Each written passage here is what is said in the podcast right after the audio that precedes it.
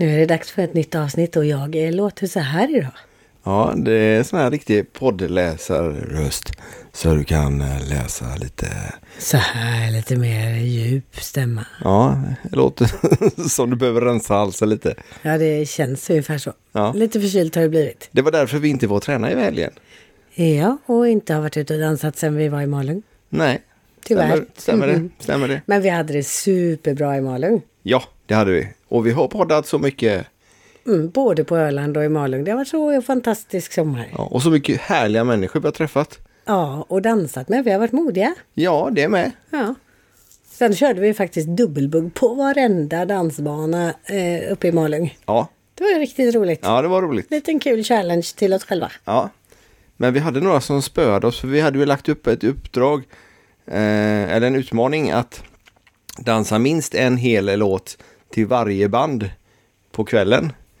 Men vi hade några som slog oss. Ja, vi kom inte först med det. Nej, Vi gjorde det också, men inte först. vi gjorde det men vi, vi blev upptagna med ett filmreportage bland annat. Ja, så kan det gå. Ja, så Sebastian och Lisa eh, spöade oss.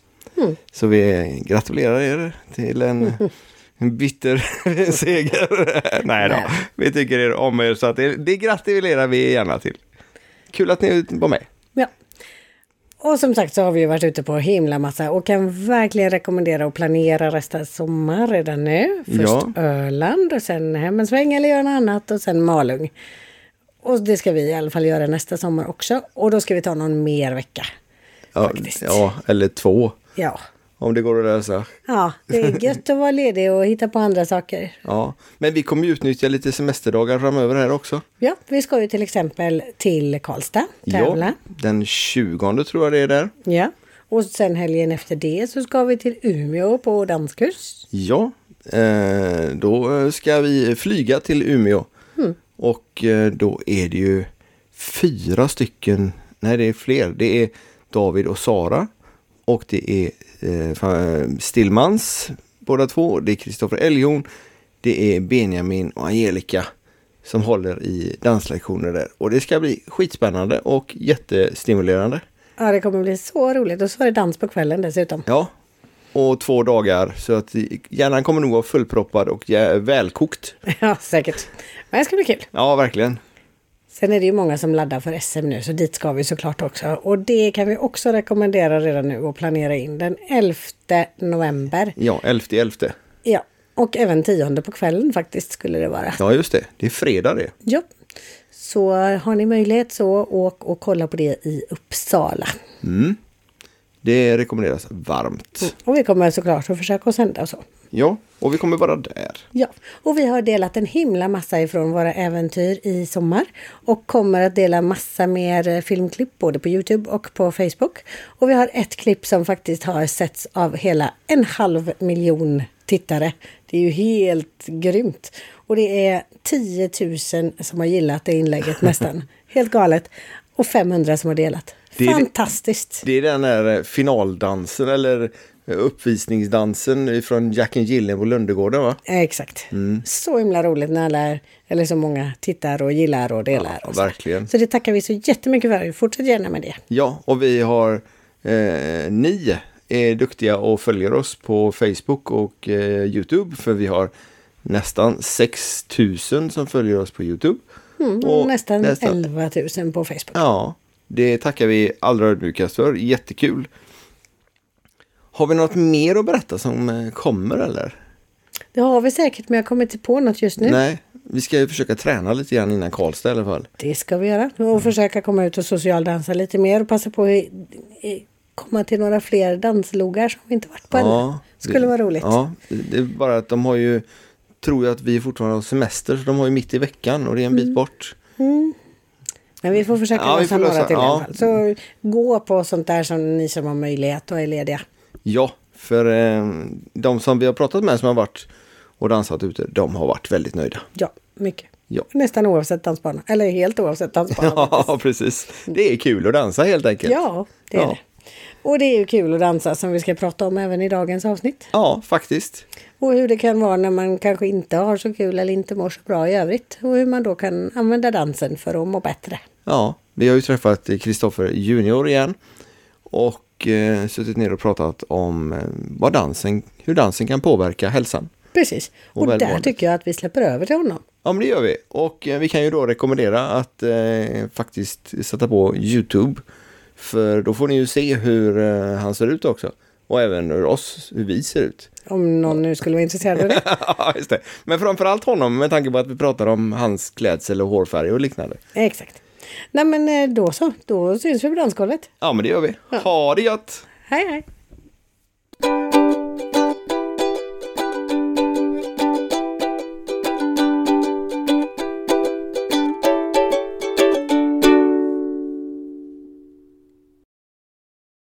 Hejsan och hjärtligt välkomna till Danspassion. Idag har vi en eh, favorit i repris. Ja, fast vi ska inte riktigt prata om samma saker i Nej, vi tanken. ska inte det. Gästen är ju favoriter i pris. Ja, eh, och vi har ju då, vi, vi, vi kallar det ju för Junior eftersom Kristoffer ingen som vet vem det är. Nej. Nej. Och eh, idag har han piffat upp sig ordentligt. Han Riktigt är, han, rosa idag. Ja, verkligen. Välkommen hit. Tack så mycket. Ehm, när vi hade haft vårt förra avsnitt Ja. tillsammans med Mm. Martina Ja. så sa du att eh, vi skulle nog egentligen prata om dansens betydelse för välbefinnande och hälsa också. Exakt. Vad tänkte du på då? Ja, jag har ju varit med om en hel del i, under mina 23 år som jag har dansat. Då. Mm. Och eh, jag tror att vissa eh, tillfällen så har jag inte hållit på med dans. Så hade jag nog inte suttit här idag. Jag har mått eh, väldigt mycket psykiskt dåligt. Och då har jag haft dansen att kunna rymma till i, så. För att eh, olika händelser i mitt liv då. Så att det har betytt väldigt, väldigt mycket. Så. På vilket sätt? Alltså, det finns lite olika händelser. Alltså, den, som ti- den som var tidigast, eh, om, om backar tillbaka, det var ju för eh, vad är det nu, grabben är se- åtta, nio, sex år sedan ungefär. Så var det lite personliga händelser i mitt liv. Att eh, jag, vart, eh, jag och min barns mamma skilde oss. Så att det var väldigt tufft och då hade jag ju dansen som tur var. Och så jag flyttade mer eller mindre upp till mina, under den första tiden här. Så flyttade jag mer eller mindre, bodde jag mer eller mindre, jag var sjukskriven och så bodde jag mer eller mindre uppe hos mina föräldrar i Stockholm. Ja. Och allt jag gjorde var liksom alla danser jag kunde få tag på. Oavsett var det var någonstans, om det var på någon krog eller någon sån här konsert eller något sånt där. Då var jag ute och dansade bara. För att liksom försöka glömma och inte liksom bryta ner mig liksom. I Va, vad, vad är det med dansen som, som gör att det här hjälper på något sätt? Ja, det är den här uh, dansglädjen liksom, och den här energin man får liksom att och, och från det man dansar med och från banden liksom, och det här glädjen att vara ute och roa sig. För liksom man, när man kliver in på dansgolvet och har kul så kan man liksom, då, då, det är ungefär som man släpper allt. Man är liksom bara här och nu liksom. Mm. Och genom att man kunde göra det och så, jag var ute och dansade säkert fyra, fem dagar i veckan då. Åkte runt i Stockholmstrakten och överallt liksom så. Så att det, det var ju verkligen en, en eh, räddare i livet då liksom. Var det bara social dans som gällde eller var det eh, Det mesta, träning och kurser? Ja, och... nej, kurser var inte så mycket, men eh, mycket social dans. Ja. Och sen var det liksom, jag kunde åka och träna någon timme också sådär och någon som jag kände eller så. Åkte du ut själv då eller hade du kompisar med dig när du Ja, Jag umgicks med, det var några personer som jag umgicks med. Eh, för allt, ett tag, under första tiden så var jag en, en tjej uppe i Stockholm som jag var ute och dansade med väldigt mycket med. Och sen eh, åkte vi ner i, eh, det var ju mellandagarna, det var- brukar vara den här eh, dansen i Huskvarna, brukar vara på typ mellan jul och nyår. Okej. Så det brukar alltid vara någon sån speciell standarddans där nere. Och då träffade jag på en, en tjejkompis som jag hade kontakt med förr i tiden, som jag även tä- tävlade någon tävling med. Som bor i Göteborg. Och så fick hon och jag kontakt igen. Sen var jag bara stort där nere. Jag åkte ner och satt och pendlade ner till Göteborg två, två dagar i veckan liksom. Oh. Ja, mitt i veckan, vi kanske på Don Ferrum kanske det var någon socialkväll där. Ja. Då åkte jag ner och så sov jag, så åkte jag upp tidigt på morgonen och jobbade. Sen åkte jag tillbaka ner till helgen, så var vi ute och dansade fredag, lördag eller söndag eller så. Så att det, ja. Allt för att fly. Allt från att fly från verkligheten. Ja. För det, liksom, det fanns inget, jag var liksom, det fanns ingenting jag kunde göra. Fick du kraft av dansen även eh, liksom efter och sådär eller var det just bara när du var på dansgolvet som du kunde släppa resten? Nej men det var ju det, alltså, det, alltså, absolut om man fick det efteråt också för det var det berodde ju bra hur bra kvällen var. Mm. Då kunde man ju rida på den energin en, två, tre dagar efteråt liksom och sen kunde man liksom vissa dagar vara ute och dansa typ två, tre dagar efter varandra. Och då laddades liksom upp batteriet hela tiden liksom. Och energin i kroppen. Så att eh, man kunde hålla sig ett tag. Men jag var ute och säkert dansade för säkert fyra, fem dagar i veckan. Då, under den Mm. perioden. När det händer något sånt i- livet så kan man ju, kan ju alla må dåligt eller då är det ju ganska självklart. Men hur har det varit i övrigt? Har du haft någon liksom, psykisk ohälsa så att du har behövt dansen någon annan period i livet? Ja, jag redan efter... Jag började ju dansa februari 99 som sagt. Redan efter ett år, knappt lite mer, ett och ett halvt år. Så han är riktigt eh, personlig psykisk ohälsa. Att jag började med massor med dumheter. Alltså mot mig själv då, självmordsförsök och sådana här saker. Hade levde med det under sex, sju år säkert Oj. innan jag kom helt ur då. Och nu har jag, idag har jag inga, alltså sådana bitar. För jag, det är också liksom någonting som är, är så viktigt det här med dansen, liksom att man har lärt sig hantera. Jag har ju kommit så långt nu i mitt psykiska självmående att jag har lärt mig hantera. Jag har alltid pratat om det. Sen jag tog, kom ur den här psykiska ohälsan så har jag alltid pratat om det. Jag har aldrig döljt det för någon. Utan jag kan sitta här och prata som jag pratar med er, jag pratar kan träffa någon på stan, jag kan sitta och prata om det, inga problem. Nej. Det är som, jag skäms inte över det. det är som, jag har försökt att vända till en positiv och, och lärdom av det. Och det har till och med hjälpt att, att jag har eh, sett andra. Jag har sett liksom de här signalerna som jag själv hade då. Och som är de några danskompisar som jag haft förr i tiden då. Mm. Så jag började prata med dem och då har det visat sig att de också har mått sjukt dåligt. Så jag kan liksom hjälpt dem att prata lite mer om- om det då. Vet du fler som dansen har hjälpt på det här sättet? Eller på någon Nej, inte annan? att, att eh, själva dansen har hjälpt på samma sätt som mig, mig men jag har sett i dansvärlden dansare som har haft den här ohälsan. Ja. Som jag liksom, tack vare att jag har haft mina egna symptom så känner jag igen symptom på folk. Och så liksom, när man, inte så att jag går fram och fan tjena mår du dåligt liksom inte. Det var ju folk som jag har känt lite, som jag dansar ganska mycket med. Som jag kommer ganska tajt med. Ja. Som jag ser, börjar- som man börjar sett de här signalerna som man liksom suttit och skrivit eller så på kvällarna liksom och så har man till slut knäckt frågan liksom att mår du verkligen bra liksom? Jag känner igen de här symptomen liksom. Och så har det visat sig liksom att man börjar prata grann att det har funnits grann där också. Då. Men dansen, har den då hjälpt dig att fly och tränga undan? Eller har den hjälpt dig att eh, bearbeta de här tankarna på ett annat sätt? Eh, nej, jag tror själva dansen hjälper nog att fly undan. Eh, för man liksom, det, det, det som är farligast när man mår psykisk ohälsa, det är att man eh, slänger in allting i en bubbla. Till slut kommer den här bubblan spricka. Och då blir det ett, som en käftsmäll alltså. För det är så som hänt med mig förr i tiden. Jag liksom har försökt tränga undan alltihopa. Så dans hjälper en att fly undan för tillfället och må bra. Men sen måste man bearbeta det på sikt också. Så du kan inte bara gå och dansa dansa dansa och tro att den här ohälsan försvinner till slut. Dansen hjälper dig att hitta tillbaka energin i kroppen och glädjen för stunden. Sen måste man liksom också även försöka antingen då, jag gick ju lite grann i början hos psykologer och bla bla bla så här, men det har inte, hjälpt, det har inte passat mig. Nej, Så jag har ju hittat kompisar som jag kunnat prata med. Eh, jag hade för Nacksvinget första åren, eller tio åren, hade jag eh, framförallt eh, Gabriella Elhorn, Kristoffer Gabriella Elhorn. Eh, Gabriella hade jag som pratade väldigt mycket med första åren. Hjälpt mig jättemycket. Och sen har jag haft lite andra folk som en släkting och så här kusin till mig och som jag kan prata med och så. Och det var den första eh, långa perioden jag, i början av ja, dansen? exakt. Ja. Och sen, eh, sen har jag lyckats bearbeta det där. Prata om det. Sen kom det här med barnen. Och sen nu sista åren eh, har ju det här med coronan. När det inte fanns någon dans.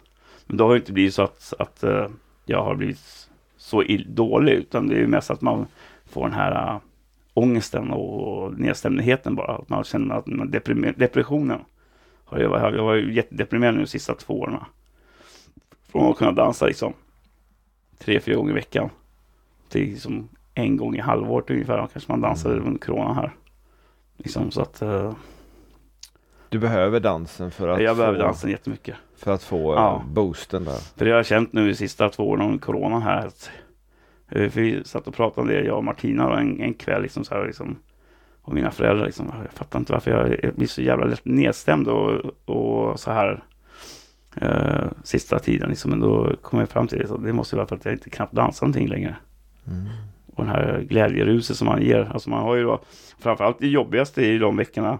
För jag har ju barnen varannan vecka. Då har man, de veckorna med barnen, då har man i alla fall barnen att fokusera på och liksom vara, glad och vara med dem liksom. Och sen liksom åker de till mamman och sen liksom är veckan hel. För jag och Martina då, vi ses ju oftast bara på helgerna då eftersom vi bor, bor på olika ställen då.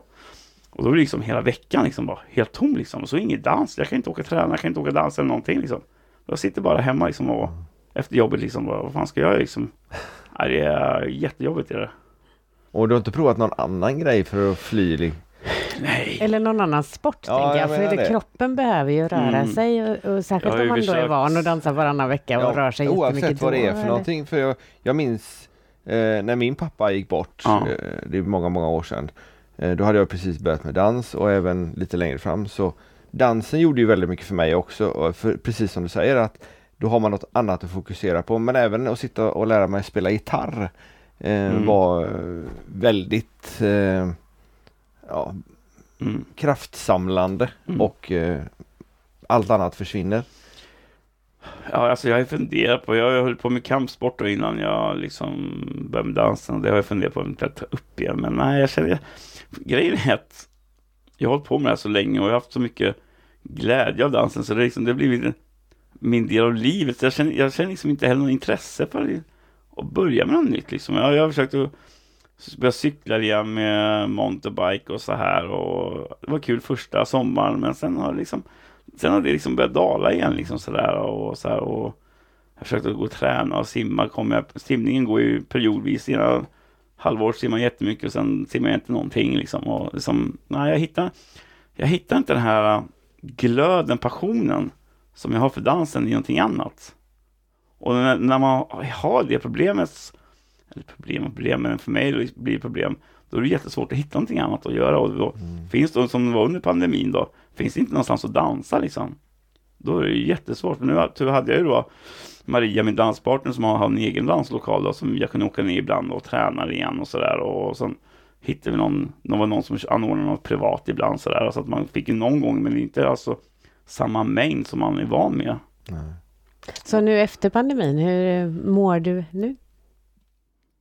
Ärligt talat så eh, sådär faktiskt. Jag har fortfarande mina svackor. Det är, det är fortfarande liksom att allting blir också, även, jag, jag är ju så van att, för jag åker väldigt långa sträckor när jag ska ut och socialdansa. För jag vill gärna åka till vissa ställen och dansa.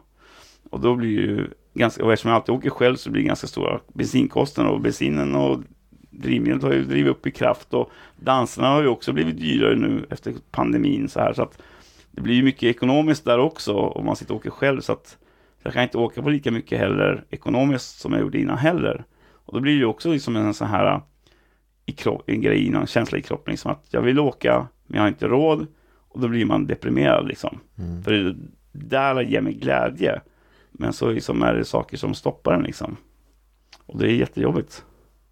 Man kan inte få dans på recept. Man kan ju få Ja, julkort på Ja, recept. man tyckte ju det. Mm. Ja, men, Ja, men det borde man ju faktiskt Mm. kunna egentligen. men du har inte provat sådana där zumbapass eller liknande? Jag har faktiskt provat på tv-spel. Ja, Ja. Men nej, det är inte riktigt, det är inte riktigt min grej. Det kanske är bättre, roligare i verkligheten, inte vet jag. Men nej, jag provar lite olika danser också. Men det är, nej, det är, det är, någon, det är någonting med buggen där som har... Och jag tror det har med det att bakgrunden till att det har hjälpt mig överleva under så många år. Och då har det blivit liksom en, en, en grej i min själ, eller vad man ska säga.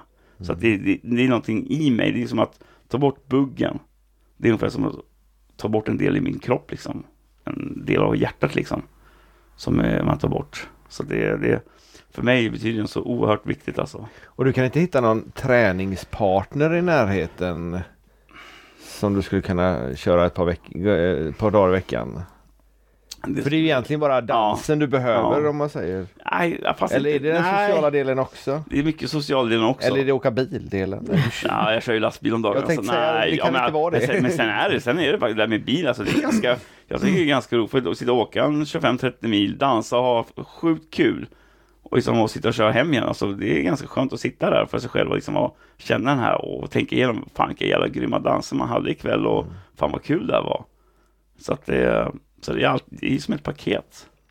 Men sen är det liksom det här också att eh, med Maria liksom, hon är väldigt speciell för mig och den dansen vi har. Så det, går, visst kan jag hitta någon att träna med kanske någon en dag i veckan eller två dagar i veckan på nära håll men det blir fortfarande inte den, den känslan, den grejen jag vill, henne jag vill, egentligen vill träna med fem dagar i veckan om jag kunde det liksom. Men eh, Hon bodde i Växjö, eller var det? ja, utanför Växjö. Utanför Ja. Växjö. Ja, Sen kan ju upp. det bli lite svårt för förhållande och Ja, exakt, exakt, exakt. Så att, eh, jag är glad när det gäller den biten träning så är jag glad den biten det jag får. Ja. Ja, och ta vara på. Men som sagt, som jag pratade om sist, så när jag åker ner så åker jag oftast ner en helg och då blir det väldigt intensivt. Ja. Så att så. så att, eh, ja. ja, det är en svår Måste en dans vara med någon som är riktigt duktig för att du ska få den där energin? Nej, absolut inte. Det som vi pratade om sist där, om vad danspassion var för mig, det är att det har med det här liksom att eh, känslan man får tillbaka av när man dansar. Att eh, om jag går ut och dansar med någon och någon bjuder upp och som kanske är nybörjare till exempel, men man ser efteråt eller under tiden att jäklar vad hon tycker att det här är kul. Då liksom, det är jättekul också. Men så för mig är socialdans och träning, det är två olika bitar i ett liksom det är socialbiten, socialbiten och träning och tävling, det är, det är ett liksom. Och showdelen då? För jag eh, tänker på ditt utseende nu för de som kollar på Youtube så ser det ju ut som att du gillar att synas också. Ja men det gör jag. Eh, Nu har jag, nu har jag kommit igång igen för jag har varit, Jag förstår inte vad du har fått det ifrån. nej, det är inte normalt. Knallrosa. Ja, heter det, nej men jag höll på som sagt, det pratade vi också om sist där förra avsnittet, att jag höll på väldigt mycket första tio åren med färja. Och nu har jag ju sista tio åren här har jag inte gjort det. Jag, jag var ganska nöjd med min gråhårighet om man säger så. så att, eh, men sen så här fick vi här nu för någon månad sedan, fick så här, fan jag är sugen på, det var inför Timmel där, in- inför Timmelet-tävlingen där. Fan vad sugen jag är på att göra något roligt igen med håret. Och då hittade vi den här hårfärgen, så vi blekte ner så det vart helt knallvitt eller knallgult först då. Och sen i med karamellfärgen kan man säga, så smack bara. Och jag har fått så jäkla mycket respons. Så, ja, men det är kul, för så på Timmeltävlingen, det kom jättemycket, framförallt är det så kul att se yngre personer, alltså småbarn, sju upp till 10-11 år, liksom bara, bara så, så liksom bara Wow, man ser liksom tankebubblorna, wow liksom. Och så som vi var ju på Liseberg igår kväll, hur mycket folk som helst som, som liksom kollar på en vuxna som små och vi åkte över den här Colorado, den här flotten man åker i. Ja, Och så åkte vi förbi någon kö där och då var det några ungdomar och bara åh fan vad coolt hår liksom så här. Mitt liksom, ja, det är jättekul. Men jag har alltid varit sån, jag tycker alltid, jag är sån som, jag tycker det är kul att bjuda på mig själv. ja. Och jag vill inte vara som alla andra heller.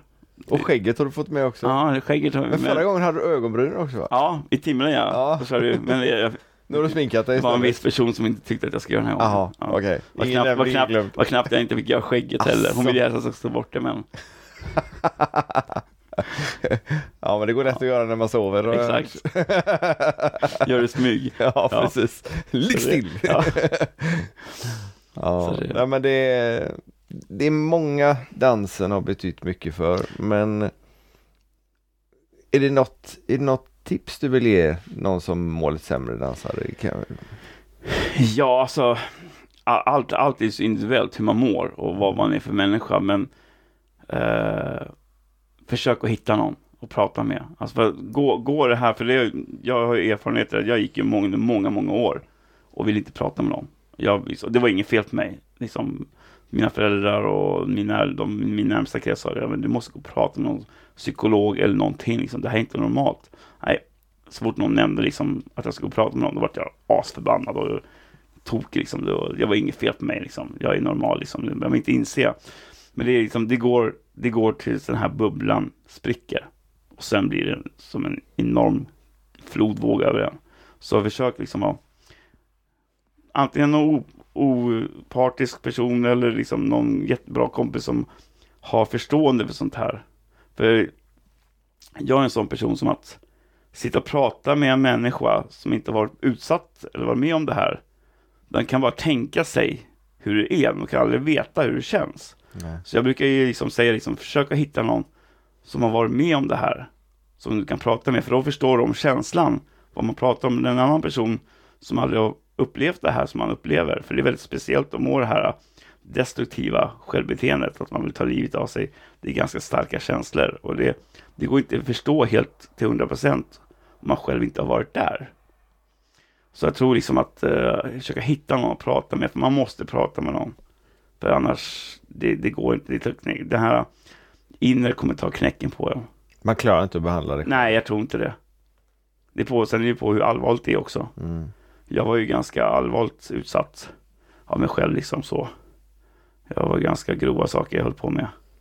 Men, men fick du någon hjälp, eh, om vi går tillbaka när barnen inte var hos dig. mm, Fick du någon, du fick ingen psy- professionell hjälp. nej. Men var det, var det just att barnen kom tillbaka som gjorde att du helt plötsligt började må bättre? Eller var det också att du fick prata av dig med, med vänner? Nej, jag fick ingen hjälp alls. Eh, Det var till slut, mot slutet av hela processen, när vi satt i ett samtal. eh, Och då den, de här personerna som gjorde utredningen frågade SOS då, har Kristoffer fått någon hjälp i det här? Och de bara, eh, nej. Och då kontaktade då skulle jag, fick jag kontakt med, och så ordnade man fram kontakt till en, en, eh, en mansmottagning i Linköping. Som jag fick gå och prata, och gick en fyra, fem gånger där och prata lite grann mer då. Det var det enda hjälp jag fick. Allt, var, allt jag fick göra själv var liksom eget, eget behov. Liksom. Gå och prata med kompisar, mycket med mina föräldrar. Och så då. Dansa då. Men, men när barnen kom till dig sen så, så började det göra sitt att det lättade. Jo men så är det ju. Så är det ju. Då fick jag liksom, men det var ju en jobbig period liksom det här med att träffa dem två dagar i veckan, två timmar liksom per gång. Och, och fram tills det vart ett 50-50 i vårdnad och det tog i alla fall bara, först då ett halvår där jag inte fick träffa dem och sen tog den här uppbyggnadsfasen med vårdnaden tog säkert fyra, fem månader också. Mm. Så från liksom leva med dem på heltid tills att leva med, leva med dem på deltid om man säger så. Det tog nästan knappt ett år, Mm. hela det spannet. Och det är väldigt, väldigt jobbigt. Ja det förstår jag. Ja, så det... Men har du fått eh, reaktionen eh, att eh, ja men eh, skärp dig nu liksom och ryck upp dig eller utav sådana som inte förstår. Det kan ju inte vara så märkvärdigt liksom. Bara gör något bra utav ditt liv. Nej, faktiskt inte. Nej. Utan de flesta har ju varit... Sen har inte jag gått ut. Det här är första gången jag går ut offentligt med det. Ja. Eh, Jag har ju bara pratat med de som har varit nära mig. Och då har du vetat att de lyssnar och att Ja. de förstår Ja, på exakt. ett eller annat sätt. Så det, jag pratar bara med de som vet att de bryr sig liksom. Mm. Så det, nej, men jag tror, jag, jag tror väldigt många där ute, framförallt under nu, de upptäckte nog under pandemin, när man inte kunde dansa, så tror jag det var många människor där ute som har upptäckt vad dansen kanske innebär för dem och må dåligt liksom. Så liksom försök att prata. Jag finns alltid tillgänglig. Är det någon som mår dåligt, som behöver prata, skriv till mig. Jag kan inte mesta, men jag kan mycket i alla fall. Jag har varit med om mycket i livet när det gäller den här plan. Mm. Så det är bara att skriva till mig om man vill prata med någonting. Så det är inte alltid jag kan svara, men ett, ett meddelande eller messenger-text kan jag alltid svara tillbaka på så länge. Så det, jag tror det är viktigt att, viktigt att hitta någon att prata med. Framförallt hitta för, det, det, det svåraste, det som jag har haft problem med, att det är att hitta förtroende för någon. Mm. För man vill inte öppna sig och sen så visar det sig att, liksom att det bara, bara så kanske den vännen till slut bara, nej fan det här skiter jag orkar inte lyssna på, det här blir för jobbigt. Och så liksom, då blir det liksom som en kalldusch. Och varje gång det, det där händer, det är så svårt blir det att öppna sig för människor. Och så var det väl i mitt fall också liksom. Att man öppnar sig och sen så liksom blir det inte så mycket där. Och det blir ju svårare. Men idag så har jag, jag, jag har försökt, som jag sa i början här, jag försöker ta allting till lärdom. Jag försöker vända det negativa till något positivt och, så, och hjälpa mig själv och eventuellt hjälpa andra också. Så att liksom, jag är öppen och jag har inga problem att prata med om vad som hände för 10-20 år sedan liksom. Det är inga bekymmer. Har du fått lite distans till det också? Ja, jo men så är det ju. Mm. Så det... Vad fick du för, för råd på den här mansjouren? Nej, då, de, den gav mig inte så jättemycket råd. Eh, han pratade bara om hur mitt mående var och hur jag skulle liksom försöka bearbeta liksom och sådär. Men däremot så var jag på en annan mansmottagning eh, när vi skulle få, när vi levde tillsammans, jag och barnens mamma, när vi skulle få första barnet, Aha. Leia då. Eh, för jag hade ju, då hade jag precis kommit ur den här uh, självdestruktiva beteendet som jag höll på med, med självmord och sånt. Uh, jag hade precis kanske varit ett halvår år ren från det man ska säga då. Uh, och, men jag hade fortfarande väldigt mycket aggressioner och ilska inom mig, liksom som är i den här bubblan då. Och så jag fick kontakt med en, en mansmottagning i, i Nacka då, där vi bodde. Och den mannen, han har verkligen förändrat mitt liv kan jag säga. Mm. För jag gick där på samtal i tre, tredje, tredje gången. Då, för han lärde mig, han ritade upp, han var jätteduktig, för han ritade upp på tavla hur det här med energi fungerat. Att när du känner hur den här energin laddas upp, precis innan den pikar, då kan man hitta den känslan. Och då kan man, berätta, kan man göra saker. Och då kan man vända den energin till något positivt. Men pikar man och den dalar, det är då du kommer in i den här äh, negativa energin då. Han ritade, det var jätteintressant när han ritade upp på tavlan. För liksom, istället för bara sitta och prata. Han var väldigt mycket för att rita liksom, vågor och grafiska saker. Vad som händer liksom i kroppen. Men vid tredje besöket, då erbjöd han mig, då skulle de starta en, en mansgrupp, han och hans kollega. Eh, för eh, då gäller det mest eh, för män som hade våld i hemmet och att de har gett sig på frugan eller barnen då. Men han ville ha in mig i den gruppen för att jag var tvärt emot. Mm. Jag var ju själv destruktiv. Jag gjorde saker mot mig själv istället för mot andra. Och då trodde han att jag kunde ge någonting i gruppen. Så jag började gå den här mansgruppen då. Som varade i en gång i veckan. Jag tror det var 16 veckor. När, när den kursen var slut, eller mötesgruppen var slut efter 16 veckor. Då var jag, kände jag liksom, när jag gick ut därifrån då grät jag och kände mig helt tom för jag visste inte vad jag skulle göra nästa vecka. Så mycket betyder den gruppen för mig. Oj. Ja. Så det, det var väldigt intressant. Och där kände jag också att jag tror vi var fem eller sex papper där då. Och eh, det var jätteintressant. För första mötet, jag öppnade upp mig helt. Jag la fram alla kort på bordet. Man, man satt ju då och pratade och så ska man berätta lite grann för sig själv. Om sig själv. Mm. Och jag la ut alla kort på en gång. Jag berättade exakt vad jag hade gjort och alltihopa. Och det kändes som att det varit som ett startskott för alla. Så alla vågade också öppna sig ganska mycket. Så vi satt jättemycket och jag fick jättemycket frågor. Hur de skulle liksom så. så det var en jättegrupp som väldigt betydde jättemycket för mig. Fortsatte ni inte att träffas på eget initiativ då?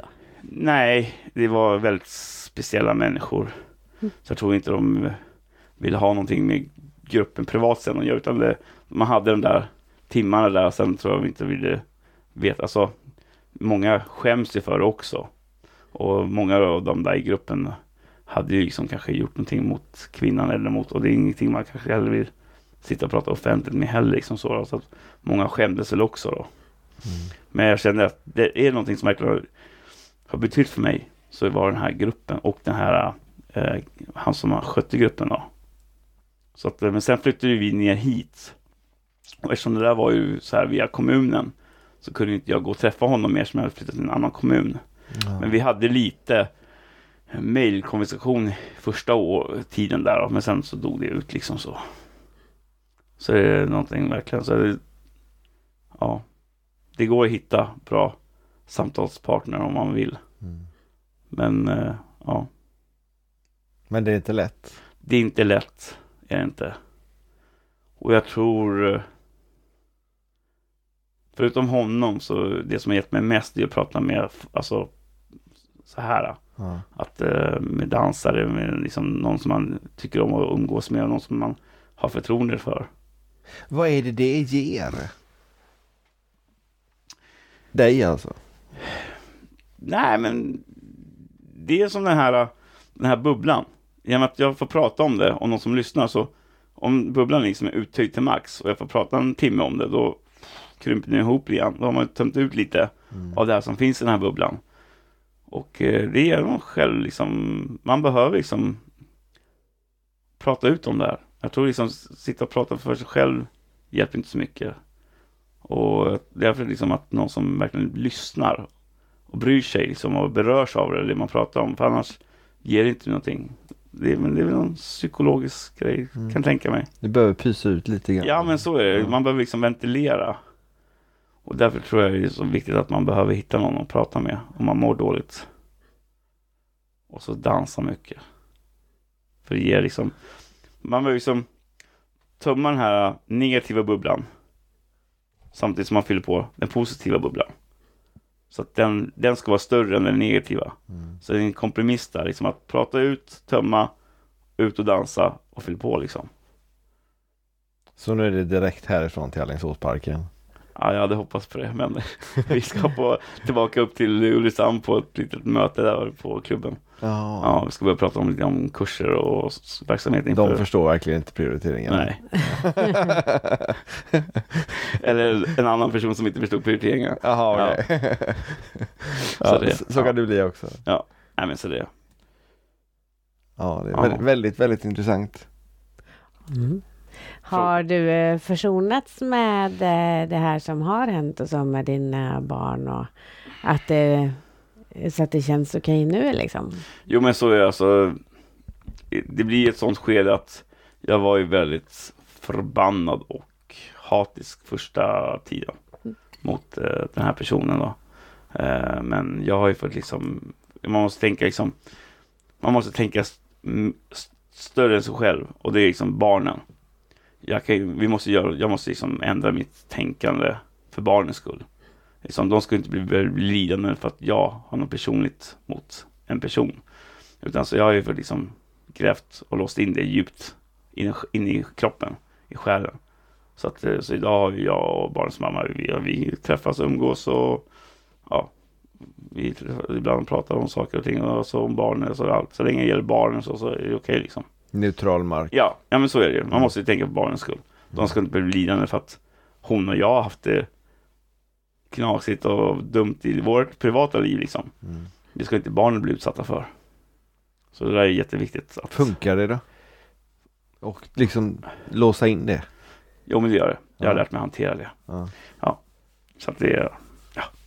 Så är det så många år sedan liksom. Det är sex år sedan snart liksom. Vad ska jag? vad ska jag- Påverkar det barnen någonting när du inte mår bra? Ja, jag försöker bita ihop när barnen är, men ofta så kan jag, ofta, jag göra det för att de ger ju sin energi också, liksom att man är glad och vill göra saker tillsammans och liksom kramas och duttas och som min son, han Leia sov i, i sitt rum, men eh, Nio, han vill, fast han är åtta, liksom, han vill sova hos pappa där nere. Jag ska sova i din säng. Ja, det är på din sida. Liksom. så liksom, och det är liksom ja, det ger energi på det sättet liksom att de är glada och vill vara liksom så. Så att det är jättehärligt. Mm. Så att det, sen blir det tomt när de åker därifrån. Ja men det blir det ju. Ja, det blir väldigt tomt. Jag har ju också haft mina barn på varannan vecka Ja. emellanåt. Eller bara helgerna. Mm.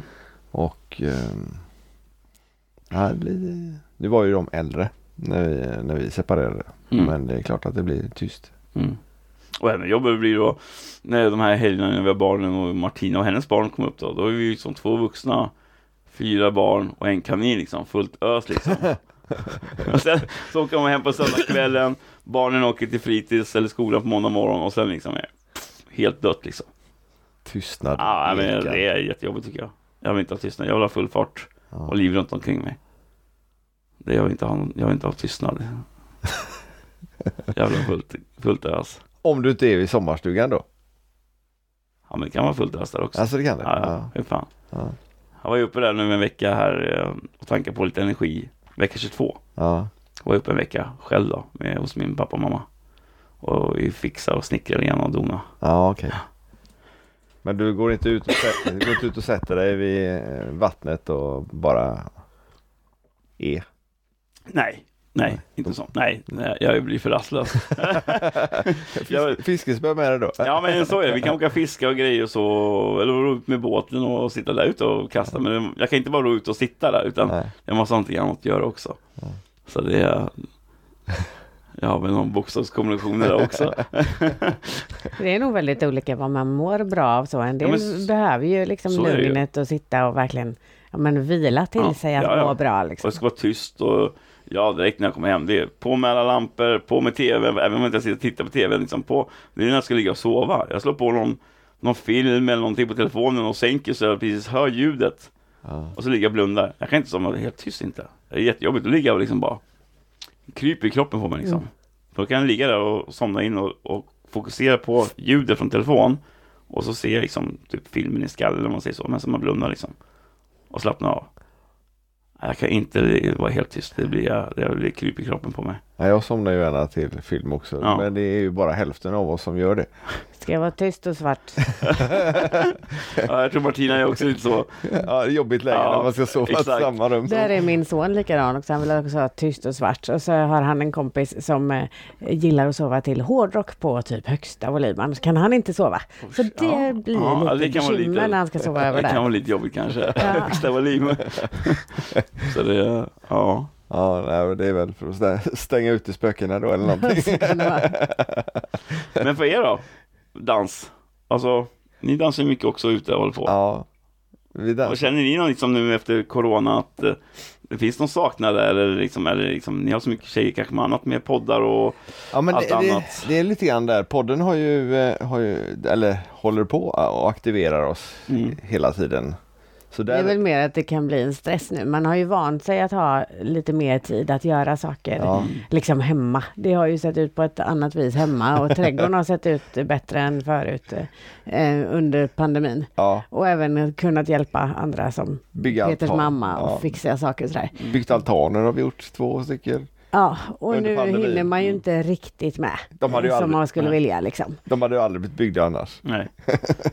Nej men det tror jag också liksom, allt handlar ju om sin under pandemin här, vilken livs, alltså vad man, hur man bor. Ja. Jag sitter ju i en lägenhet, jag kan inte göra så jäkla mycket, men har man hus och tomt, Ja. det finns ju alltid saker att aktivera sig med. Mm. Ja. Det finns alltid någonting som behöver göras. ja, det gör det. Ja, Jag behöver sätta upp nya julslingor i år. Mm. Mm, ljusen måste ju lysa till jul. ja, ja exakt. Ja. Om inte elpriserna går upp för mycket, för då Ja. är det tusan Jo men det är. LED. Det är inte ens 100 watt Många för allt. bäckar Nej. små. Du får starta en egen kärnreaktor här bak. Ja, det, kan... Sol... det räcker med en solpanel så, så får jag in det utan problem. Ja.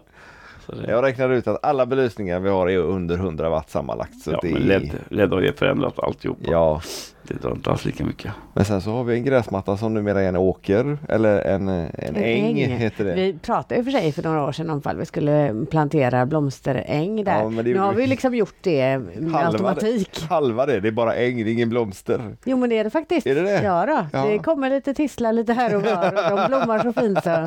Ja det ska vi ta bort så, så att det blir fler tistlar. Det är sådana här riktigt taggiga rackare är det. Sen är det faktiskt några gula ganska fina också som jag inte Okej. riktigt vet vad de heter. Så det finns runt om. allt en del blommor där också. Så vi Mm. kanske ska vänta till efter midsommar och göra i ordning faktiskt. Vi är inte hemma på midsommar ändå. Men vi kan göra en krans innan vi åker. Ja, det kan du göra. Mm. Annars kan vi åka till Ica och köpa en som är färdig. Man kan göra så. Den håller till nästa år också. Ja, exakt. En plastkrans. Ja. Ska du ha plastkrans? Nej, jag har ingen han inte det? Nej, sånt håller inte jag på med. Nej, ja, du gillar ju inte att synas. Nej. Nej. Så det skrev. Jag är så neutral som möjligt. Gäller ju att hitta en som matchar håret då. Så det, nej men det, jag kan faktiskt berätta en rolig, ro- till rolig historia gäller mitt utseende. Det var också midsommar, det var med en, en annan tjej jag var tillsammans med i Stockholm då. Och då var det ju alltid dans på midsommarafton typ på Skansen. Ja. Och då kör vi ju något dansband på stora, på stora dansbanan där. Då. Sen uppe på Stora torget uppe där alla de här små ståndarna är. Ja, så har vi ju som en liten dansbana. Och där körde vi alltid gammeldans då. Jaha. Och det här året hade jag då mina ja, kläder som jag brukar ha och liksom syntes. Så hade jag gjort då med, av hjälp av dammsugaren sådana här spikes. Jag hade ganska långa spikes här. Och så gick vi upp, och vi kunde dansa den här gammeldans. Och då gick vi upp där och till gammeldansbanan och där hade de här knätopsarna och folkdräkterna. Och vi in där liksom, och jag så, de bara tittade på mig liksom, så började vi dansa gammeldans och ja, de ändrade nog sin, upp, upp, sin syn på saker och ting. Det blir verkligen kortslutning i huvudet Ja men så man, blir det. när man ser sånt. Men det är väldigt roligt. Jag inser att jag har en fördom som jag eh, behöver lufta här. Ja, absolut. Eh, ganska många killar som eh, ser ut så, mm, liksom har gjort så mycket med sitt utseende. Ja. Har jag en förutfattad mening att de är, inte är heterosexuella? Eh, får du den fördomen? Nu, nu ser man inte den bakom mitt. Ja, du har en sån i örat dessutom ja. Ett örhänge uppe i örat liksom. Vad vill du komma? Ja men får du höra det mycket liksom? Ja. Är det, är det, är Ja, det bara jag som har de förutfattade meningarna? Eller? jag, jag har inte hört så jättemycket om mitt, eh, mitt utseende, att de tror att jag är gay så, men däremot min dans. Eh, så jättemånga som har trott att jag är gay för grund att jag, jag har ju ganska mycket höfter och rörelser. Mer än normala vad en man har när de dansar så. Normala. Så ja men alltså många killar är ju ganska, alltså ärligt talat, alltså, inte nu täv- tävlingsdansarna är ju mer duktigare än vad socialdansarna är. Många socialdanskillar är ju ganska raka, alltså Mm. så. Det är inte så mycket sväng i höfter. Så däremot är det jättemånga som har trott att jag är gay på grund av att jag, jag kan dansa så mycket med höfter och ha så mycket rörelse i kroppen. Faktiskt. Men inte utseendet. Ingen som har vågat Nej, säga men jag, jag fick lite kanske igår när som sagt när jag var på Liseberg, då fick jag väl lite blickar av vissa killar som kanske trodde nog att jag var mer lagd åt det hållet kanske. Och mer att det är killar som faktiskt är gay som Ja, liksom exakt. ja, Mm. flörtar med dig då. Så. Ja. Ja. Så det, det finns säkert. Hur tänker du kring det? Gör det dig något? Eller tycker du snarare att det är kul om en kille liksom Alltså, visar uppskattning? Nej, Alltså, jag bryr mig egentligen inte om vilken kön som visar uppskattning. Jag tycker bara kul att folk ser och reagerar liksom. Mm. Det sen om det är positivt eller negativt, det är upp till var och en. Men det ju, alltså, man ska kanske inte göra så här om man inte man är ute efter en reaktion. Nej. Nej, men jag, har alltid, men jag har alltid varit sån. Jag tycker om att bjuda på mig själv. Så är det på dans och alltihopa. Jag är mycket, skojar mycket och flammar mycket och skämtar och så. För du berättade att när du gick på ICA när du mådde riktigt dåligt att det då kändes som att folk, eller t- Mm. att du kände dig utsatt där. Eh, Nu tittar ju folk verkligen på dig när Mm. du ser ut så här. Mm. Gör du olika med ditt utseende beroende på hur du mår? Alltså jag tänker det här med massa smink och så, då, eh, eller liksom speciellt utseende. Och får blickar då, då måste man ju uppleva det som positivt. Mm. Medan man, om man mår jättedåligt, ja men då kanske man vill eh, gå ut och se ganska diskret ut för att inte få några blickar. Jo men så Eh, var det när jag mådde så dåligt där med, med Ica, som sagt om vi pratade om Ica, då, då var jag ganska neutral. Alltså då, det var ju, för då höll jag inte på så mycket med hårfärg då på den tiden längre. Utan, så att, eh, och då försökte man liksom, då skulle jag aldrig gjort något sånt här, för då skulle Nej. man dra ännu mer blickar. Eh, nu, tycker, nu fick jag ju, jag har haft- ju haft den här saknaden i många år. Att, för jag tycker det var väldigt kul när jag höll på då, första tio åren med att färga håret och jag tycker det är kul liksom att hålla på så. Så, att, eh, så då fick jag den här känslan igen i kroppen och har fått extremt mycket positivt. Eh, och jag har även sagt när jag kör mina, mina kläder, jag börjar med den här eh, skjortan och linnet med badankerna, svarta med badank, gula badanker. Mm. Och det var ju jättemånga som kom fram och tyckte vad fan vad coolt liksom så här. Men sen är det tyvärr några som har eftertagit det där med den skjortan och tröjan så att då, vart det, då hittade vi det här istället. Så jag tror inte så många Som matchar med håret också. Ja, men såg vi faktiskt på Liseberg igår. Det var en som gick med badshorts. Och så var det någon klädesplagg till han hade i just det här. Jaha. Ja, så det, det finns lite grann. Men i dansvärlden så är det nog inte så jättemodigt troligt. Så att eh, jag tycker det är kul. Och jag, jag är så här, jag vill inte se ut som alla andra. Men det kan inte vara så, eller troligen är det väl så. Eh, den här eh, outlooken du har nu liksom att med, syns tydligt. Mm. Att du, det boostar dig. Jo men så är det ju. Ja, att du Ja, mår ja. bättre utav att folk ser dig. Istället för när du, du eventuellt eh, folk eh, inte Mm. hade, är de hade åsikter om dig. För går du på Liseberg så är det ju en bråkdel där som överhuvudtaget vet vem du är. Nej, det är ingen som visste vem jag var där. Nej, Nej. om du inte är på dansgolvet då. Ja, exakt. på polketten. Ja. Eh, men ändå så får du liksom reaktioner. Mm. Men är det lite som att gå in i en annan roll? För jag tänker många mår ju bra av att till exempel stå på scen eller gå in i en roll och liksom ta på sig facet eller vad man ska säga. Gå in i den rollen och då mår man bra när man Mm. är i den rollen. Jo, men nej, jag tror inte det är en roll. Ärligt talat så tror jag det här är en, en del av, av mig. Mm. För jag höll på mycket med det här förut när jag började dansa, alltså inte första åren, men när jag dansade ett par år och insåg att jag var duktig på det här och liksom och så, och då, då höll jag på mycket också att sminka mig. Jag hade lite med mig egen sminkväska liksom med allt möjligt i liksom. Så att, eh, som inte folk trodde på mig, så, slet jag upp den ur dansväskan och visade liksom bara. så här liksom. Och det här med färgningen, så, och sen har inte jag gjort det nu på framförallt sminkning har jag inte gjort på 15-16 år säkert, men just färgningen har jag inte gjort på över 10 år. Liksom. Och det har, jag har känt liksom en, en tomhet i mig också. Det är en, någon liten bit där inne som saknas. Och så tog vi tag i det här nu för ett tag sedan här och nej, det, jag tycker det är skitkul. Och sminka sig också. Ja, det har jag börjat med nu. Ja. Färgningen kom först. Och sen tog jag upp sminkning igen då. Och då hade Martina en liten sån här karta med lite med rosa lite anvi som jag fick då. Som passade då till håret. Men jag tycker det tyder på ganska eh, ordentlig Normala beteende. Nej, ordentlig självkänsla.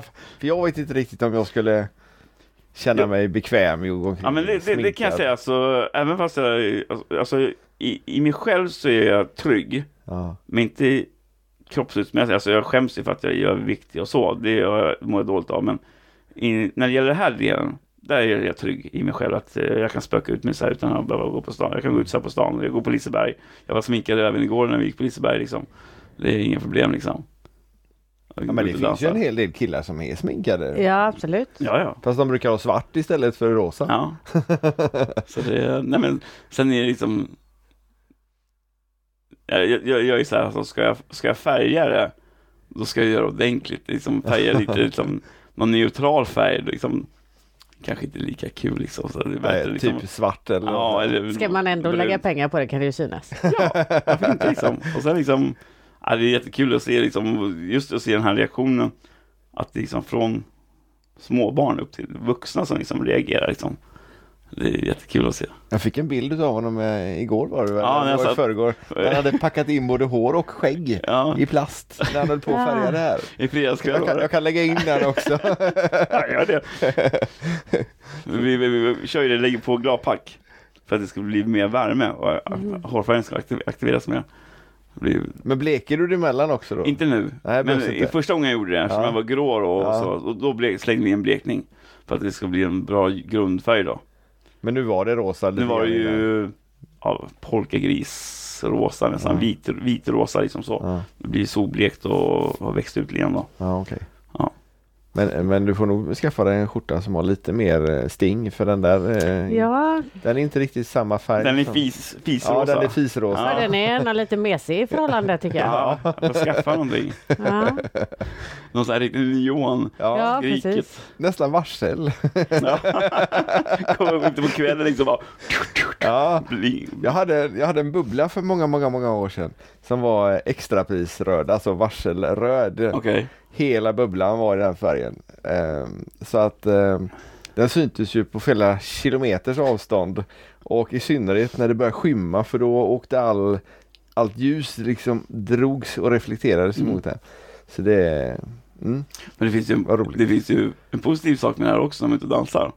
alla ser dig. Alla ser mig och om någon som dansa med en så ser man en rätt på tagen. Ja, just det.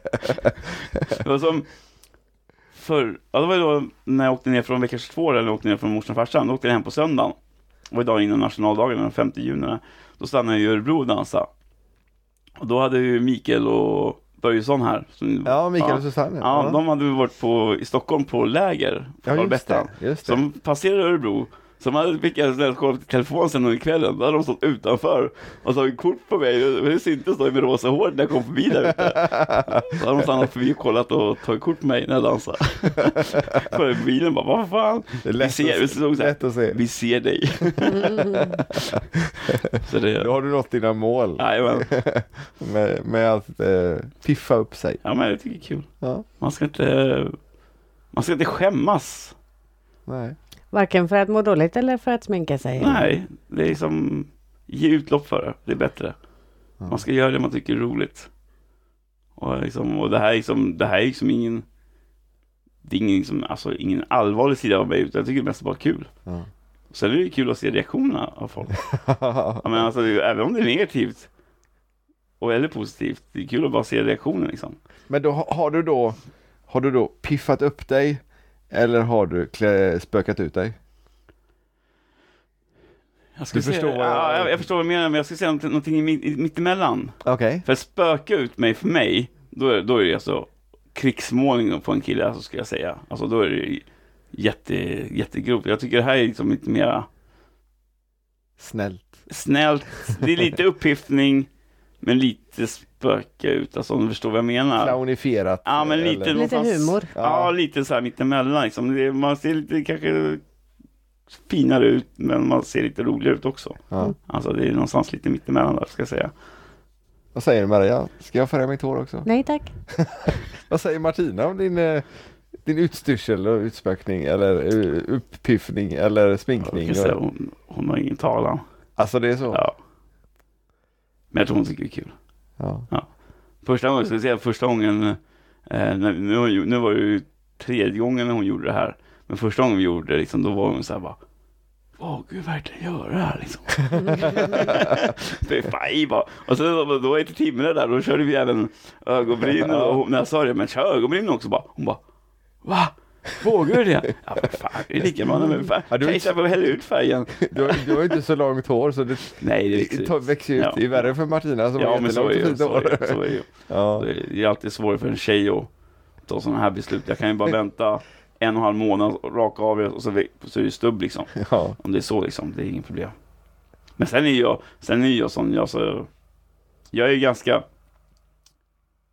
trygg i mig själv liksom. Jag kan, jag kan gå in och, har jag bestämt mig för en sak, ska jag ha rosa hår, ja då, då blir det liksom. Jag går inte att tveka sen så bara, hmm, fan kommer det verkligen, kan jag se ut så här eller vågar jag liksom, utan det Ska jag ha det, ska jag ha det. Det är samma sak med alla mina tatueringar. Jag är Mm. inte någon som jag skäms för. Har du fått någon ny tatuering eller? Nej. Eller köpt någon? Men jag vill ha någon. Ja. Ja. Men du har inte så jättemånga eller? Jo, jag har, nej, det är på vad man kallar Ja, många. det, men det är inte sådär proppfullt överallt? Nej, jag har en del. en, två, tre, fyra, fem, sex. Så har jag sju, en i nacken. Eh, Eller skulderna här och så har jag en på vaden. Mm. Nio blir jag, tio. Ja. Men jag vill ha, ha jo, och så har jag en här bak på skuldran. Eh, men den vill jag göra, den är så dålig. Den har varit helt misslyckad. Det är färgen har släppt på den och allt möjligt. Och så skulle det stå Blender någonstans också. Ja, jag har ju Casanovas. Ja. Blender måste komma, men det funderar jag faktiskt. De har ju den här loggan med oftast med en stjärna i. Ja, just En det. stjärna så står det Ja. Blender. Ja. Den är jag lite sugen på att sätta någonstans här kanske. Inte på hals. Ja, men lite här någonstans. Lite, gå upp lite kanske på stjärnan. Och sen nyckelbenet här. Eller om det blir på den sidan närmast hjärtat här då. Får vi se. Och sen har jag ju, sen vill jag ju, för den här på skulden är så jäkla ful. Eh, vi har pratat med han som har gjort uh, Casanovas och han som har gjort mina barns tatuering som jag, den här är den jag absolut är mest nöjd över. Får du visa upp den i kameran? Här? Den här, det står Leon Neo på den. Den, är, den gjorde jag under den här tiden de var borta. Ja. Ja, då fick jag hjälp av mina föräldrar och eh, det var som en, liksom en påminnelsegrej liksom att då finns de alltid med. Även om jag fick träffa dem under den tiden så fanns de alltid här. Påminner den inte dig nu då om den jobbiga perioden? Nej. Vad skönt. Ja, Mm. är det här med psykologin, Ja. tänka allting positivt, Mm. vända det liksom. Så att eh, så vill jag göra en, jag vill göra, för då frågade jag honom, han som har gjort de här då, en jävligt duktig kille i Motala, eh, eh, om, om förslag då. Och eftersom den är mörk, eh, svart, eh, röd och svart, så är det väldigt mycket, för man får göra en sån cover-up då Ja. och ganska stor grej. Så, så idén är att det ska bli en, en stor eh, demonvinge i grå svartskalig som är så här sönderriven liksom så. Så det blir, kommer bli över hela halva ryggen då. Oj. Ja. så det, men det är ju där också, det är ekonomiskt liksom. Jag Det tänkte säga det är rätt ja, det kostar en 6-8 tusen kanske. Ja, okej, det var inte värre än så. Nej. Nej. Eh, Så att det är någonstans där då. Men det är ju några timmars jobb och pengar liksom så. Mm. Och sen har ju då, så min plan är i framtiden då att göra den först. Så att man får bort det fula. Och sen är ju då min nästa plan är ju då att ha en på andra sidan. Men då är jag lite grann där, ska jag ha två likadana? Eller så har jag min plan då, om det ska vara en trasig demonvinge ska jag ha liksom en, en ängelvinge då på, så det blir liksom lite yin och yang kan man säga, liksom ont och mörkt och så här. Kan du inte bara trycka det på en tröja istället? Nej. Jag kan hjälpa dig med det. Jag tycker det känns bättre faktiskt. inte- Men det, Tycker inte om tatuering. har du någon tatuering? Nej, jag skulle aldrig Nej, men- Jo, vi har sagt att om vi skulle vinna SM i bugg, då Ja, skulle jag det, ta det, det känns liksom ofarligt. Ja, för det är liksom, för det kommer aldrig att hända. Nej, Så- precis. nej. Vi sa- Vi sa inte vilken klass i och för sig. Vad sa du? 55 plus kanske. Nej men eh, nej. nej. Nej men för det, det, det, det, det, här med tatueringar, det är faktiskt en, en väldigt sjuk grej egentligen. För det, det är ju en smärta på visst sätt. Eh, vissa tatueringar, eh, eh, ska se här. De här kändes nästan ingenting. Men när jag gjorde Casanovas, Ja, där är... det här gjorde inte ont, men när han började komma upp mot det här, tunna det här, det gjorde sjukt jävla ont kan jag säga dig. och när jag gjorde den i, i här bak, eh, mellan skulderna upp mot nacken, på sidan på skulderna gjorde ingenting, men han kom över ryggraden och upp mot här, där är det nästan bara ben, där gjorde det också jävligt ont. Så det är liksom, men det är liksom en smärta, det är som en brinnande smärta, men det är ändå ett beroendeframkallande. Har man gjort den, Så blir det oftast fler. Ja, för det är liksom bara, den, alltså det, är, det är något jävla sjukt där. Alltså, så jag vill göra massor med fler, fast jag vet att det gör ganska ont liksom. Och dyrt. Ja, dyrt. Ja, konstigt, jag tycker vi går tillbaka till dansen. Ja, Du berättade att Jag du hade varit utan eh, dans eh, i olika perioder i livet. Hur kommer det sig att du, mm, för redan från början förstod jag det som att du fastnade väldigt för det. Varför har det då inte varit dans hela tiden förutom under pandemin då? Fast det har varit rätt mycket dans. Så det har det? Ja. Mm. Det är i stort sett, det är, jag har i stort sett hållit på med det här sedan 99 konstant. Så det är i stort sett pandemin som jag inte har hållit på med dans. Det har varit någon gång ibland då, men det är ju knappt man kan räkna det. Mm. Men sen har jag i stort sett hållit på med det här hela tiden. Jag, jag slutade tävla, men då var, körde jag mest bara socialt. Så. Så att det, nej. Men det sa vi redan i början när pandemin kom att det här kommer bli nog svårt för Ja. en hel del. Ja, Mm. ja. För att om, även om man kanske inte är världsbäst på att dansa så är det en social grej Ja, att komma ut. Ja, För folk. en del är det ju också så att är man ganska ensam och det kanske är den enda fysiska kontakt man har med en Mm. annan människa. Eh, och det måste ju vara Mm. hemskt, tänker jag. Mm. Ja, man inte kommer ut hemifrån och inte får ta i någon någonsin på Ja, typ eh, Ja, men, två så är år. det. men så är det med, så jag har inte så jättemycket vänner om man säger så, utan mina vänner det är, det är ju danskompisar. Och eftersom jag inte dansar så mycket i, i Östergötland, man säger där jag bor, så har jag inte så mycket vänkrets där, utan allt är ju oftast ja, neråt och kanske lite uppåt så. Och, liksom, och, och de träffas man ju bara när det är ute på dans. Mm. Och pratar och så. Visst kanske man skriver något me- me- messengermeddelande eller sådär någon gång och de här riktiga kontakterna man har, de kanske man ringer någon gång ibland. Men, men oftast är det man träffas ute och tjoar och simmar och så här. Och liksom inte någonting på två år liksom. Det, alltså, det har varit jättetungt. Har det. Men det är väl ungefär så med våran vänskapskrets också. Är det en... Alla har ju någon typ av dansrelation. Ja, i princip i alla fall. Men jag tror man bygger upp så. Jag, jag har svårt att komma på någon annan. Ja, det är eller kollega då, Ja, möjligen. ja. Mm. Så det, nej, det, Det, det, nej, men det, det, det, är alltså, det är någonting, alltså de som inte fattar det här, de som står liksom och sådana som går förbi, liksom, kanske på Liseberg.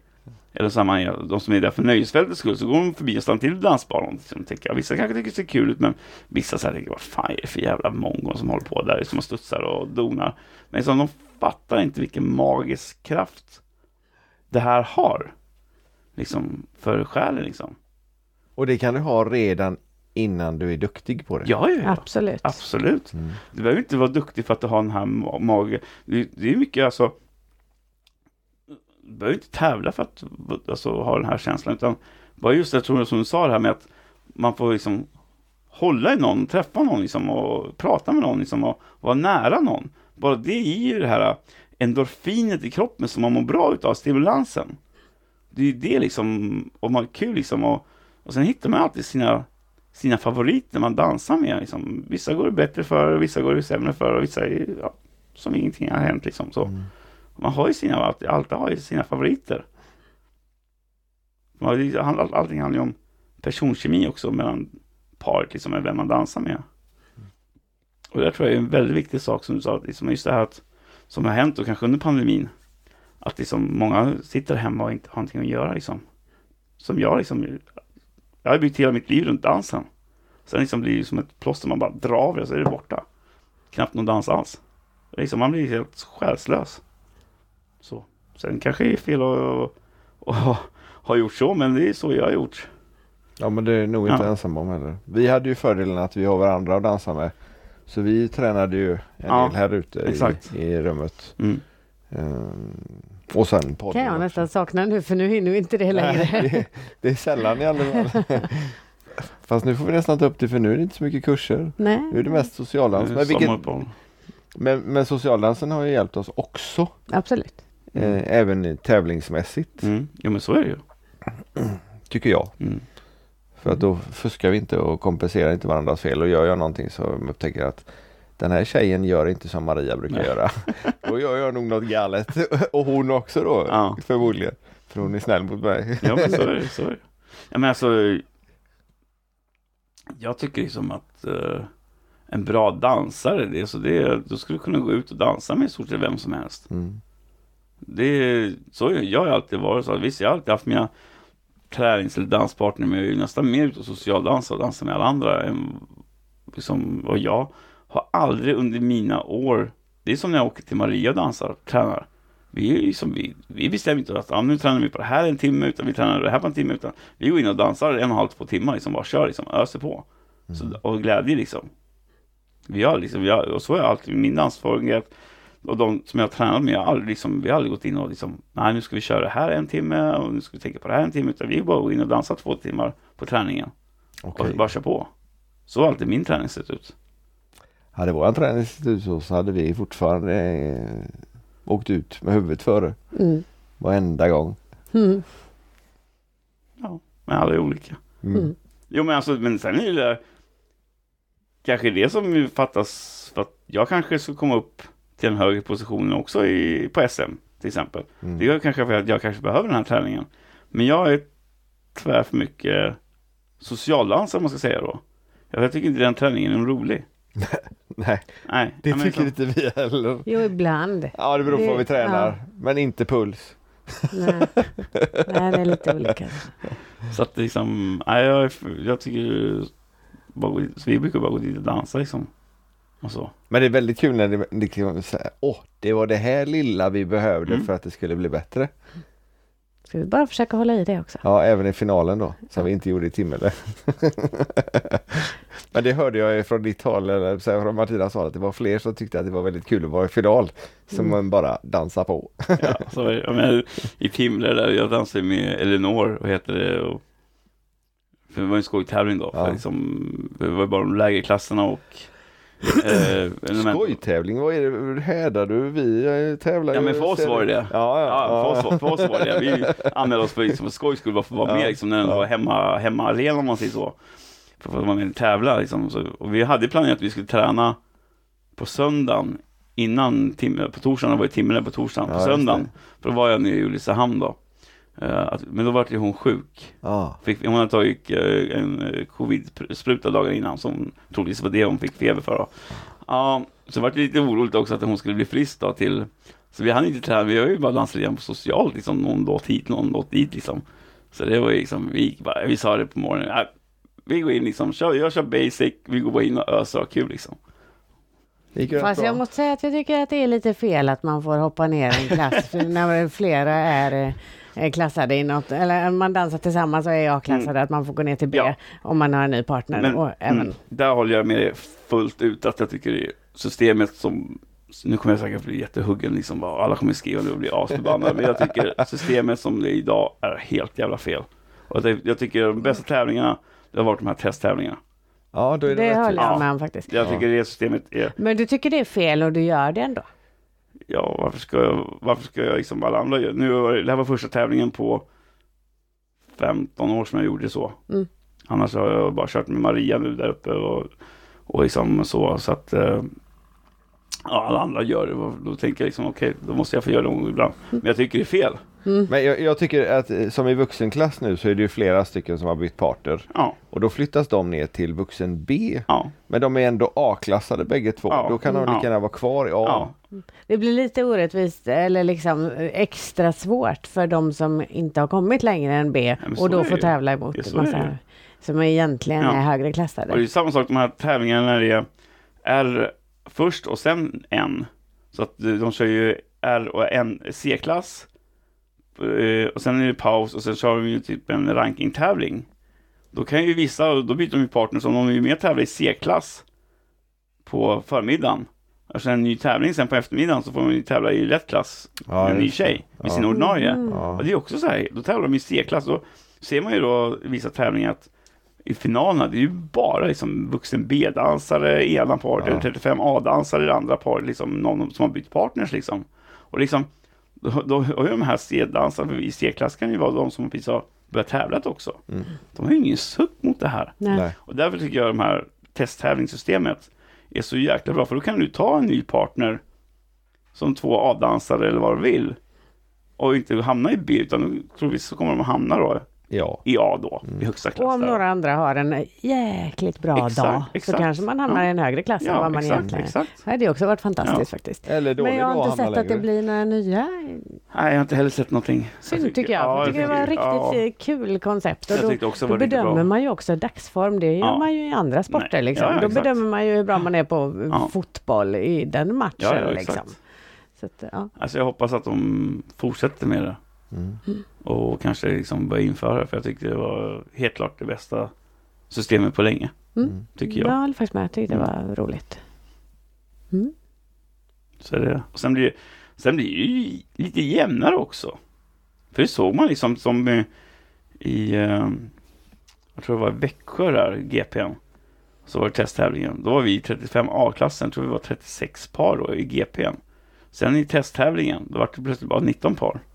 Jaha. Mm. Så liksom livremmen dras ju åt, det blir Ja. tajtare och jämnare grupp liksom så. Det var inte att det var färre från den klassen egentligen då som inte ställde upp. För jag kan tänka mig att det kan är det man, också vara. är man Det- A-klassad annars så kanske Mm, man tycker att mm, det skulle svida lite för mycket om jag hamnar i är, lägre det, klass. så är det också. Ett eller till och med två steg. Ja, Mm. exakt. Och det förstår man ju att det Ja. är såklart att Det det, är är som inte en- roligt. Samtidigt så vi, Mm. kan man ju ha en dålig dag, det kan ju alla ha. Fast då kan man ju se det så att om man nu är A-klassad eh, och hamnar i Säg att man har en riktigt dålig dag och hamnar i C. Då kan man ju placera sig ganska bra Mm. i C. Mm. Om man nu tycker att det är vilket som är viktigast egentligen. Och det gjorde ju Martina och Björne i Karlstad. De är ju 35 C-dansare Mm. plus 35 C-dansare och de lyckas ju kvala in sig till B-gruppen där i 35B Mm. Kul. i Karlstad. Ja. Det är ju mm, det är så Vi det kan var, hända. nöjda, vi var nöjda att vi var kvar i, i C när vi var i Växjö. ja. Så det, nej, jag ser faktiskt bara positivt med det. Mm. Så det hoppas Ja, får se vad det blir av Ja, det. exakt. Nu känns det som det var så länge sedan det var någon sån. Så att, Ja, det var ju det var Karlstad. Det var väl i mars, någon februari, mars, mars var det Karlstad Ja, det var. kanske var. Mhm. Mm. Så det, Så nu ska vi väl då ta och rekommendera alla som inte har testat att dansa också. Om det nu skulle vara någon sån som eh, Ja, lyssnar ja, på ja, podden. Att fy faktiskt fan. prova. Mm, Se det- om man kan må mm, bättre av det mm. också. Inte bara ha kul utan också uh, må bättre mentalt. Fast man har kul när man dansar. kul. Absolut. Och när man lär sig nya saker. Ja, men så är det. Sen, sen den här glädjen man får. Liksom det, man kan, jag vet ju än idag, liksom man kan haft en dålig dag på jobbet, man kan vara helt slut, man liksom bara, "Åh, okej, jag åker väl ner till dansen, man nästan liksom bara, åh, fan, ska jag verkligen åka liksom? Det är oftast då det blir som roligast. Ja, Ja. och så går man in och så bara, blir som en käftsmäll och bara, så är man igång, bara, wow, fy fan, åker man därifrån liksom, va? hur kunde jag ens tänka tanken att inte ens åka hit? Ja, Så är det ganska Ja, ofta tycker ja, jag. men- Vi är egentligen för trötta för att åka Ja. eller inte riktigt sugna så här. Då brukar det bli bra. eller som Som- jag, som jag sa till Maria, jag vad igår. Vi, skulle gå på en fest och det skulle, vi visste inte om det skulle vara dans eller någonting men det var ett eh, kalas, Ja. stort kalas på Kungälvsparken. Som vi hade blivit bjudna på. Och så sa jag till henne att det kommer säkert bli skitkul där nere för jag har absolut ingen lust att gå just nu. Och det blev fruktansvärt bra. det var riktigt, Vart någon dans eller? Ja, det var Ja. faktiskt dans Ja. också. Ja. Mm. Så jag fick eh, dansat med ja, massa gamla kompisar Ja. Och, Maria och Mm. ja, det var jättekul. Träffade folk som jag inte sett på 30 år. Nej, Och, ja, härligt. ja, det var riktigt, riktigt kul. Var det. Och, det är liksom, och då ser man ju liksom, där har man ju beviset på, man känner liksom den här känslan att ska jag verkligen åka? Liksom, Mm. bara, Soffan är god. Ja, men så åker man liksom hem sen och så känner du, hur fan kunde jag tänka så? Ja, det, det tycker jag man tänker ganska Ja, ofta. men där, där har du beviset på hur stark den här känslan är för dansen. Ja. Och det kan ändra mer hormoner och känslor i kroppen liksom. Och det är det där som är så viktigt liksom. Och att folk liksom tar till sig liksom att även om ni mår tråkigt och dåligt, åk och dansa. Det finns inget liksom bättre vad heter det, recept på eller läkemedel mot det. Liksom, skit i tabletter, skit i sådana här ja, saker. Åk och dansa om man nu vill dansa. alltså. Mm. Eller, Börja där i alla Ja men alltså, eller har man någon, gå till, om man är en gymperson liksom, gå till gymmet och pumpa allt vad du har liksom. Mm. Så du känner liksom att du har gjort någon, där du blir glad, gå dit där man blir glad av. För mig är det dansen så, liksom det är bästa läkemedlet, naturligt. Så liksom, Vi kan väl nästan avsluta Ja, med jag tycker det. det är danspassion. ja, Mm. det är det det. Allt i dans. Ja. ja, det är härligt. Och jag hoppas att eh, det här kan ha hjälpt en del.